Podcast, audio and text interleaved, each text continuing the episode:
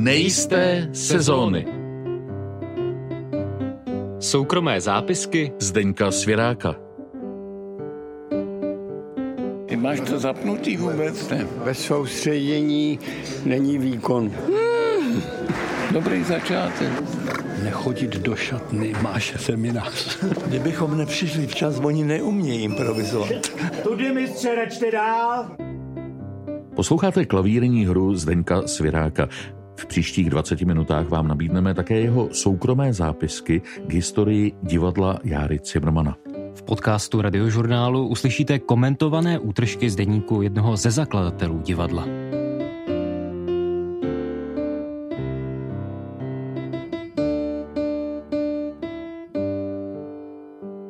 Pane Svěráku, co vás přimělo vést si deník? Já myslím, že zpočátku to byla snaha vypsat se z toho, co mě zraňovalo. Mě to hrozně štovalo, že divadlo sotva vzniklé už má zaniknout. Takže to byl ten první impuls, ale pak, když už se to divadlo stalo pojmem, tak jsem to asi psal už svědomím, že se v budoucnu najde někdo, koho budou eh, dějiny tohoto souboru zajímat, že se najdou eh, nějací a našel se Kroc a Maleček. jak pravidelně a jak systematicky jste se deníku věnoval? Nepravidelně. Vždycky, když se stalo něco zajímavého, tak jsem k tomu usad. Zajímavého no, důležitého, nebo to, co nás poznamenalo, nebo čemu jsme vzdorovali. To, to byl vždycky důvod, tohle se musí zapsat, a dokud si to pamatuju, co oni tam řekli na té schůzi a tak. Divadlo Járy Cimrmana bylo založeno na zakládající schůzi 29. října 1966. První zápisek v deníku Zdeňka Svěráka zní takto. Čtu.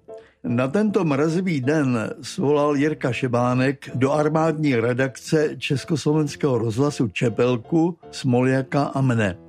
Oznámil, že by se mělo založit divadlo. Měl sebou dokonce písemně zpracovaný referát o jeho charakteru. Často v něm padaly výrazy naivní divadlo, černý humor a podivnost s myšlenkou založit divadlo navazující na tehdy populární mystifikační rozhlasový pořad Nealkoholická vinárna u Pavouka přišel právě Jiří Šebánek, kolega Zdeňka Svěráka a Miloně Čepelky z tehdejší armádní redakce. Ta sídlila v Hvězdoslavově ulici na Pražských Vinohradech. Jak moc se původní představy zakladatele Jiřího Šebánka lišily od poetiky divadla, kterou jste mu později vtiskli s Ladislavem Smoljakem? Tak ano a ne černého humoru tam nebylo tolik, jak Jirka Šebánek předpokládal a jak měl rád. Ale je tam. Pak je tam naivita. Já nevím, jestli si pod naivitou představujeme všichni to tež. Já si myslím, že to je umění neumět. My chceme představit naivního umělce, čili se musíme naučit psát tak, jak by to napsal on. A to tam je třeba Ceberman básník, eh, je opravdu inzitní, třeba jeho báseň Cizino, cizino, kterou napsal jako milovník Sládka a jeho básně Domové, domové, tak tam je jasně vidět, že to byl básník velice naivní. Ale my jsme si s Jiřím Šebánkem nerozuměli v jiné věci. On používal toho Cebermana jako věšák na vtipy. Když ho něco veselého napadlo, což nebylo špatný, tak to použil bez ohledu na to, že to bylo nevěrohodné třeba v jedné přednášce zbavil Cebermana všech orgánů, žaludku, žlučníku, plic a tak dále. Takže vidíte, vy se smějete, protože je to vtipný. A byla z něho jen tělesná schránka. Ale my jsme si s Láďou řekli, že půjdeme jinou cestou, že Ceberman by měl být věrohodný, měl by to být smolař, který chce být velikánem a není a mělo by to být, měl by to být normální člověk. My jsme si řekli, že ať on vynalezle eh, jakoukoliv pitomost, tak to bude v zájmu dobra lidstva. Může to být k nevíře, ale on měl několik eh, předloh ve skutečném životě. Ano, nám se líbili naivní umělci jako Alois Bär, pan Plumlovský a, a jiní. Právě tam jsme pochopili, v čem je ta jejich tvorba eh, komická a zároveň krásná. Jak moc chtěli být v licí.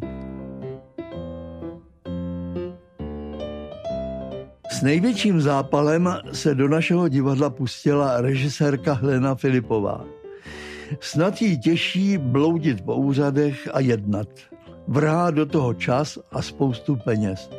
Nevím, jestli bychom to bez ní dotáhli do konce. Myslím si, že ne.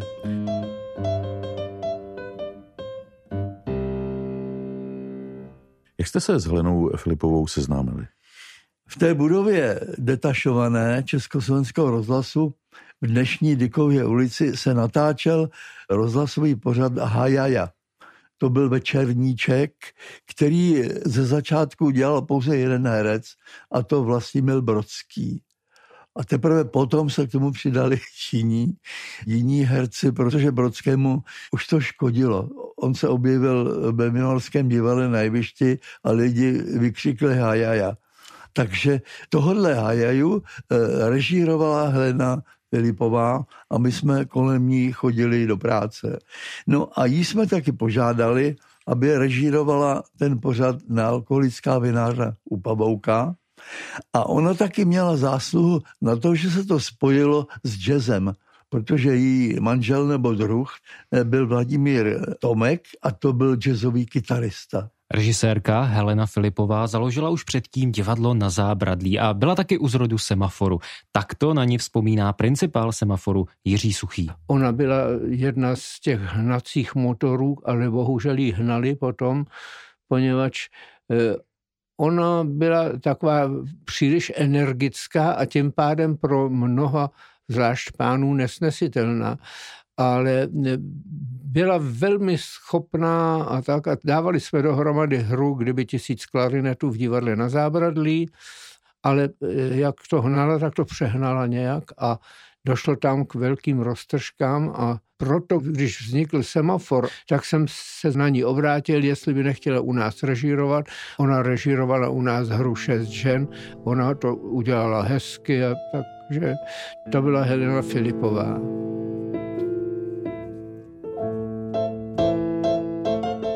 Uložili jsme si, že do konce roku 66 každý napíšeme horu. Já jsem v prosinci dokončil akt a ten nápad na tu hru vznikl ve společnosti Ládě Smoljaka.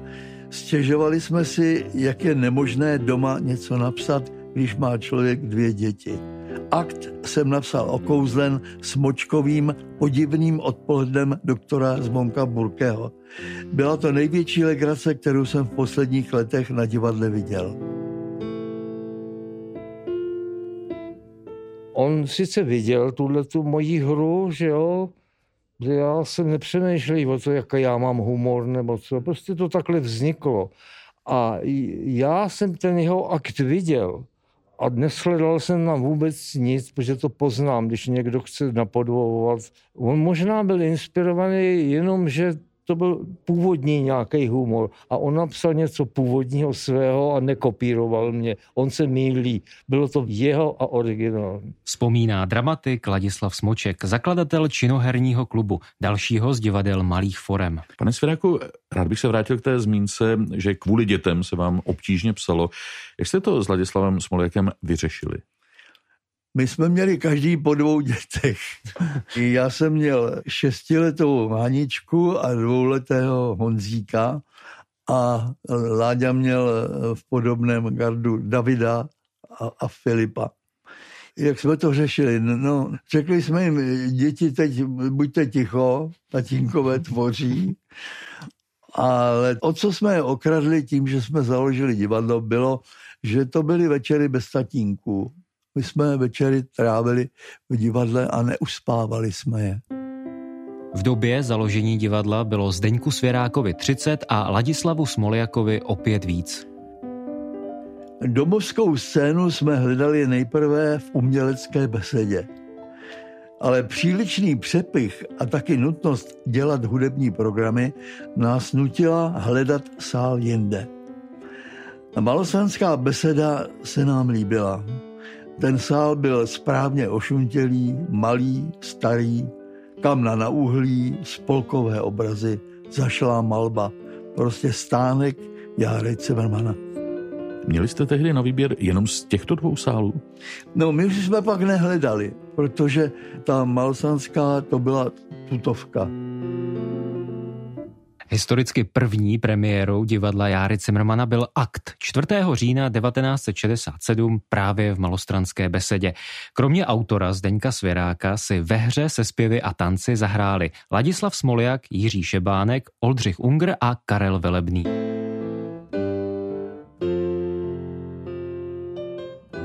V roli Žílové měl fungovat Miloň, ale nechtělo se mu snad obavě eh, před zesměšněním nebo z náladovosti, nevím.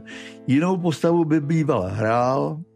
Helena tedy požádala Káju Velebného, velebný věrný jazzu, chtěl mít vlastní pódium pro svůj SH kvartet. Proto snad se dal do hraní v naší komedii získat. Jeho herectví mě zpočátku deprimovalo. Jak bylo čistě neherecké ale pak jsem mu přišel na chuť. Kája přinesl sebou svůj svérázný humor, kterým obohatil celé představení a vůbec celé to naše divadlo.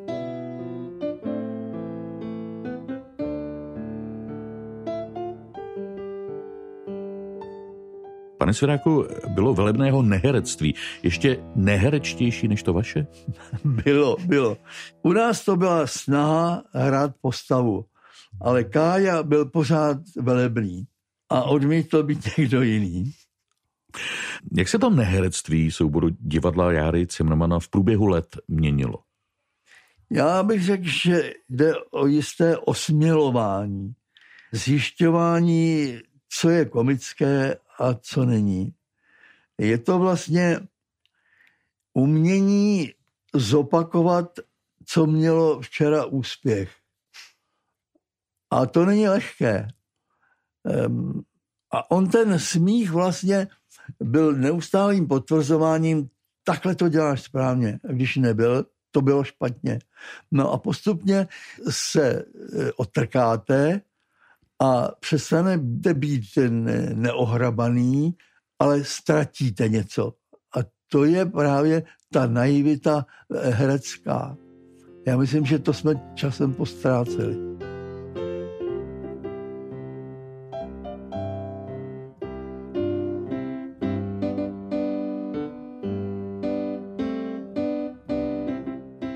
Posloucháte podcast radiožurnálu Nejisté sezóny Soukromé zápisky Zdeňka Svěráka. Už první sezóna divadla Járy Cimrmana ukázala vážné rozpory uvnitř souboru.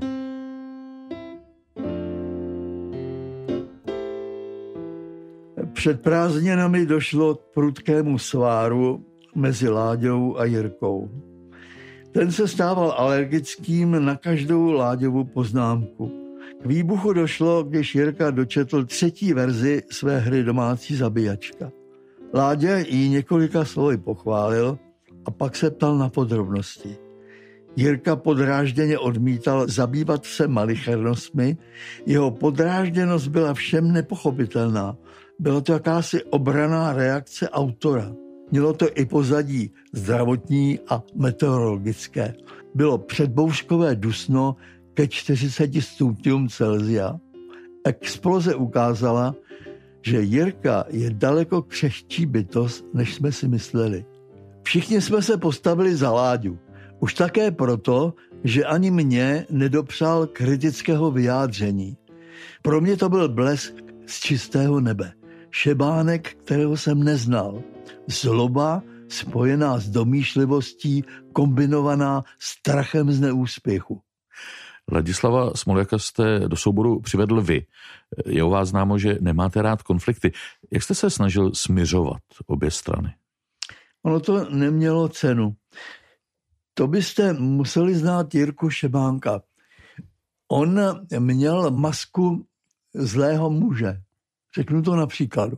Když jsem já přišel do redakce pozdě, tak šéf, plukovník Vondrášek, řekl, doktore, on, on říkal každému doktore, doktore, my máme jistou pracovní dobu, jo, takže příště, kdyby tady byl včas. Když, když přišel Šebánek, tak si šéf neodvážil mu cokoliv říct. On měl prostě tuhle tu vlastnost a přesvědčovat ho o tom, že Smoljak to nemyslí špatně a že je to nadaný člověk, nemělo vůbec smysl. Já jsem dospěl i k závěru, že možná, ale připadalo mi to domýšlivý z mé strany, možná Jirku mrzí, že jsem se spojil s Láďou proto, že my jsme vlastně byli dvojice, která psala Pavouka ten pořad. A možná to Jirka bral jako zradu, že jsem si našel nového spolupracovníka. A tak jsem mu říkal, Jirko, tu hospodu jsem napsal s Láďou, ale příští hru můžeme napsat spolu. To neznamená, že naše spolupráce končí. Ale on byl tak nepřístupný, eh, že otázka zněla buď Smoljak, nebo, nebo jdu pryč. Přitom ale Ladislava Smoljaka jste znal dřív než ano, Jiřího Šebánka. Ano, ano. Z vysoké školy. Ano, já jsem ho znal z vysoké školy a z toho ochotnického divadla.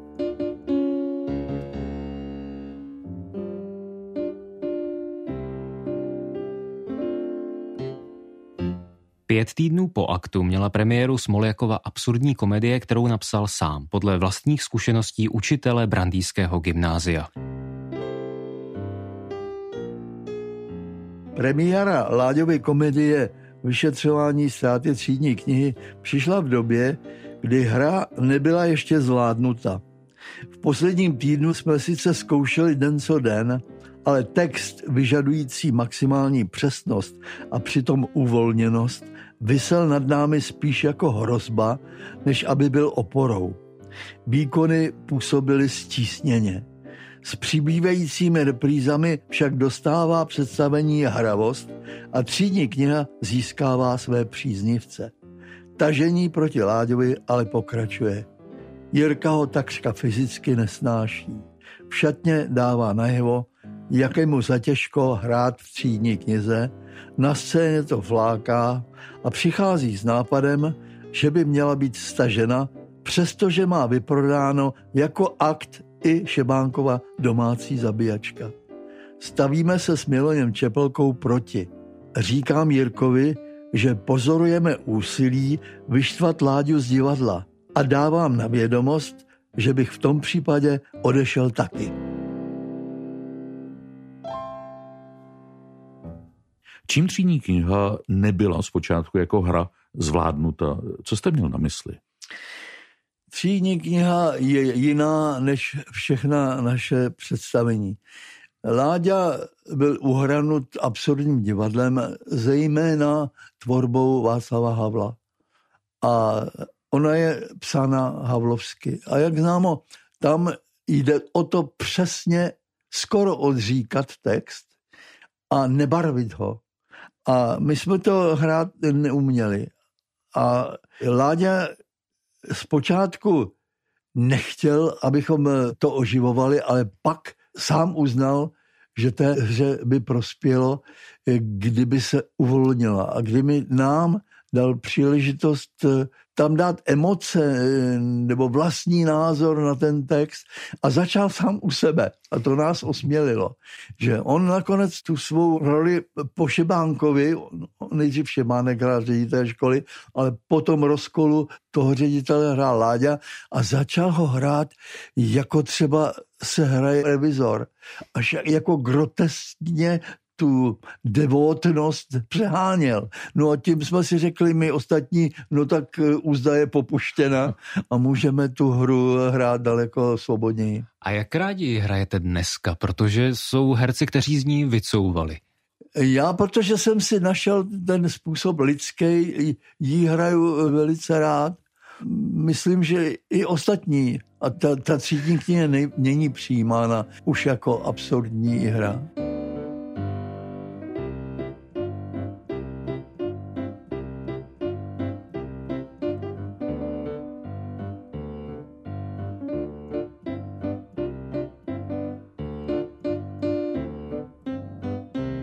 Dnešnímu dni se Smoljakova hra Vyšetřování ztráty třídní knihy dočkala 1169 repríz a je tak třetí nejuváděnější z celého repertoáru divadla Járy Cimrmana.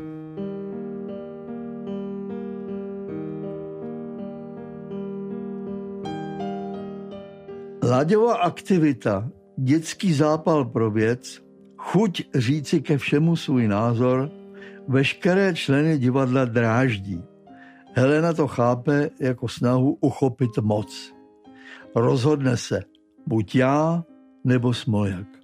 Stavíme se proti takovému řešení a je svolána schůze a tam je Láďa kritizován. Helenina zášť proti němu je udivující.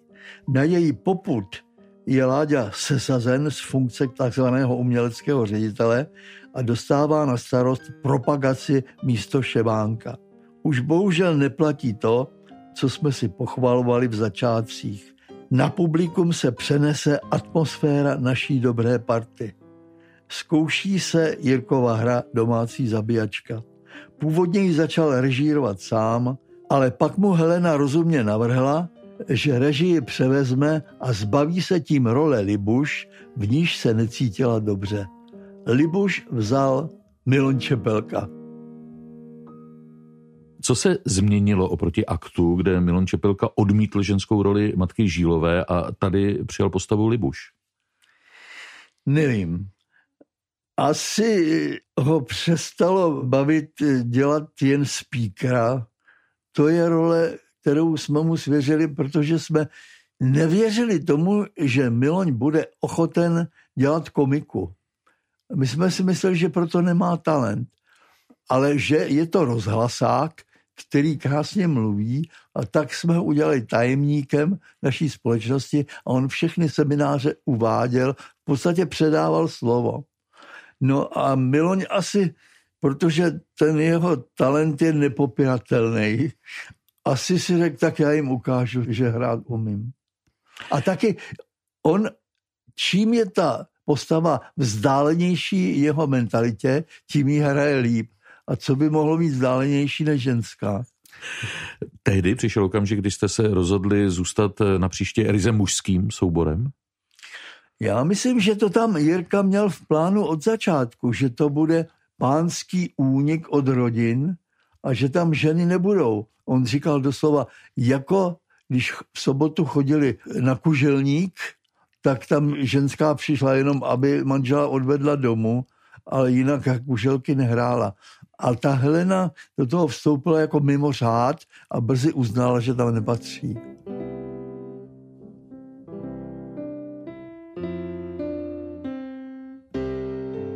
Utkání Smoljak versus Helena a Jirka skončilo Láďovým ústupem, ale nastolilo nezdravou atmosféru. Láďa je neustále podezříván ze schválností. Jirka mu vyčetl i neférové jednání, že napsal svůj filozofický projev do sympozia příliš dlouhý. Miloň pociťuje k divadlu větší a větší nechuť. Ví, že jako autor se tu neuplatní, herecké ambice si zatím nedělá a ovzduší pohody zmizelo. Nepřistihl jste se v takové atmosféře při myšlence, jestli vám to stojí za to? Eh, nelámal jste nad divadlem hůl? Ne, mě to pořád stálo za to. Nikdy předtím jsem takové lidské konflikty nezažil. Pro mě to byla úplná, úplná novinka. A na nich mělo stroskotat to, co mě těšilo. Čili já jsem věnoval veškeré úsilí tomu, aby divadlo nezaniklo.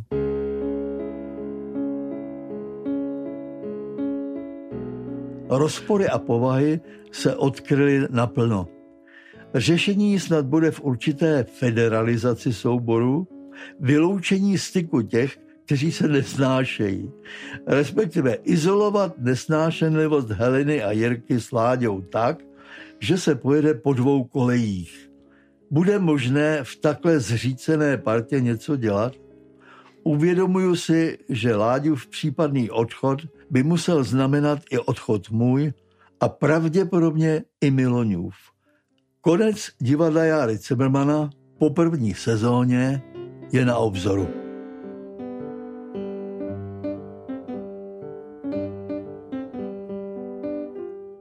Na tvorbě podcastu se podíleli Jaroslav Novotný, Jonatán Vidlák, Libor Ščerba, Ondřej Kalous, Tomáš Maleček, Vladimír Kroc a Zdeněk Svirák. Tak to tam takhle necháme.